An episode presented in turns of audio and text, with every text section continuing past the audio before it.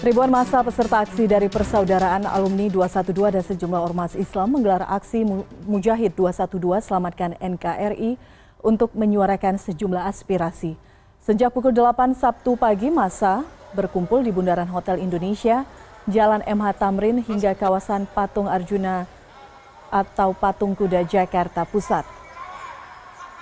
Sejumlah tuntutan disampaikan Ketua Panitia Aksi Edi Mulyadi dari orasinya di atas mobil komando seperti penanggulangan kebakaran hutan dan lahan, mengusut tindakan aparat yang dinilai represif dan meminta dipulangkannya pimpinan Front Pembela Islam Rizik Sihab.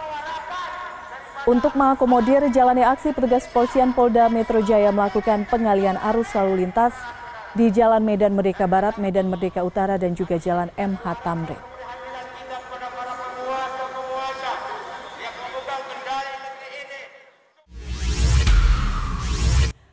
Bagaimana suasana terkini di Jalan Tamrin Jakarta Pusat? Sudah ada koresponden CNN Indonesia Albi Pratama. Albi, bagaimana gambaran Anda siang ini saat aksi tengah berlangsung?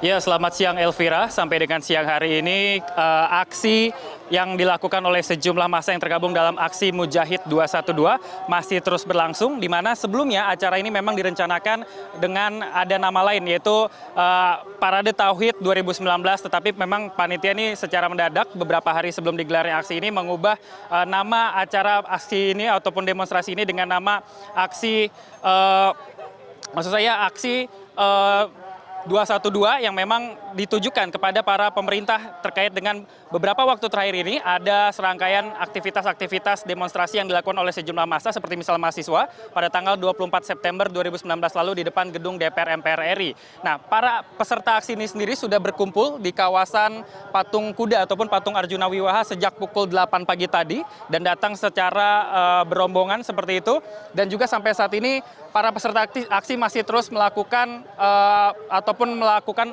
penyampaian aspirasi mereka ataupun orasi. Sebelumnya memang para peserta aksi ini dijadwalkan akan melakukan kegiatannya di depan Istana Negara sendiri. Tetapi memang karena ada pembatasan yang diberikan oleh aparat baik itu kepolisian dan juga TNI, maka para peserta aksi ini sendiri dikonsentrasikan di kawasan Patung Kuda.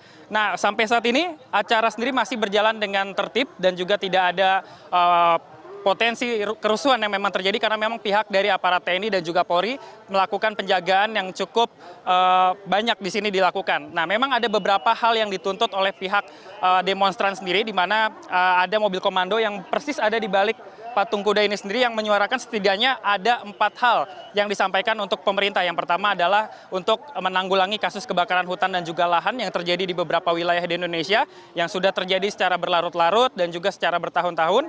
Lalu yang kedua adalah uh, meminta pemerintah untuk segera, segera menyelesaikan kasus yang terjadi di Papua sendiri karena beberapa waktu lalu ada beberapa kegiatan ataupun aksi massa uh, yang terjadi di Papua sendiri. Lalu yang ketiga pihak dari uh, peserta aksi juga menuntut adanya uh, pengusutan terkait dengan uh, upaya dari aparat pada saat demonstrasi yang terjadi pada tanggal 24 September lalu yang dilakukan oleh mahasiswa karena ada penindakan yang dianggap uh, terlalu represif seperti itu. Dan adanya permintaan dari para peserta aksi untuk pemerintah memulangkan uh, imam besar dari Front Pembela Umat Islam yaitu Habib Rizik Syihab untuk dipulangkan ke Indonesia sendiri. Dan hal-hal itulah yang kemudian memang diminta ataupun diinisiasikan oleh para peserta aksi untuk diminta kepada pemerintah. Ada alasan memang kenapa pihak dari peserta aksi ini melakukan kegiatannya di sini, tidak di gedung DPR MPR RI, karena memang menurut dari Ketua Panitia sendiri yang bertanggung jawab atas hal-hal yang terjadi beberapa waktu ini tidak hanya diarahkan kepada Dewan Perwakilan Rakyat, tetapi juga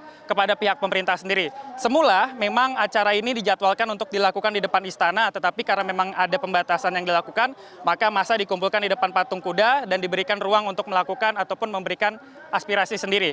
Dan memang sampai saat ini aksi sendiri masih terus berjalan, tetapi pihak dari panitia sendiri menjanjikan bahwa acara yang dilakukan untuk uh, melakukan ataupun mengeluarkan aspirasi ini dilakukan tidak sampai dengan sore hari, dimungkinkan pada siang hari ini acara sudah bisa uh, selesai. Seperti itu Elvira.